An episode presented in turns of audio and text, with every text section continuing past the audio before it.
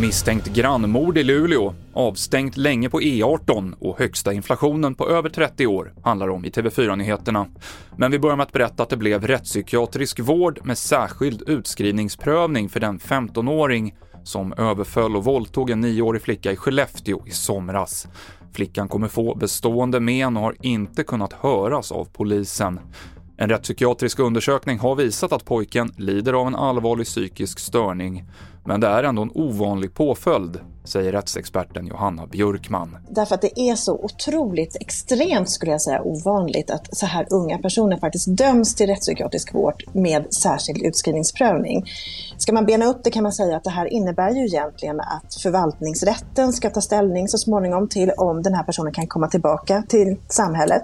Och det innebär ju egentligen att den här personen, förutsatt nu att den här domen vinner laga kraft och inte blir överklagad, att han kan vårdas i stort sett hur länge som helst inom rättspsykiatrin.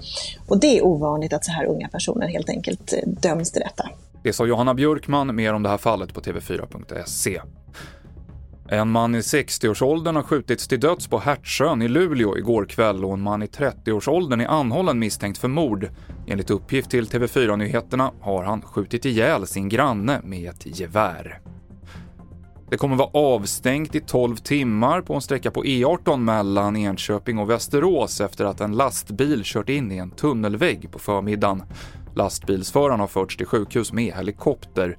I samband med olyckan ska även en personbil ha blivit påkörd bakifrån av en annan lastbil, men det ska inte ha orsakat några allvarliga personskador. Det uppges ha varit halt på platsen. Och inflationen steg något i november och är den högsta på över 30 år. Enligt Emma Persson, privatekonom vid Länsförsäkringar, kommer vi behöva leva med stigande räntor en tid framöver. Det höga kostnadsläget kommer ju att bestå, kan man väl säga utifrån också de här siffrorna. Eh, vi kommer att behöva leva med eh, stigande räntor eftersom Riksbanken utifrån de här siffrorna vill fortsätta höja styrräntan. Ehm, och sen livsmedelspriserna kommer nog också att stiga lite grann, vilket ju inte är positivt nu när vi konsumerar ganska mycket mat i december. Sa privatekonomen Emma Persson och det avslutar TV4-nyheterna med Mikael Klintevall.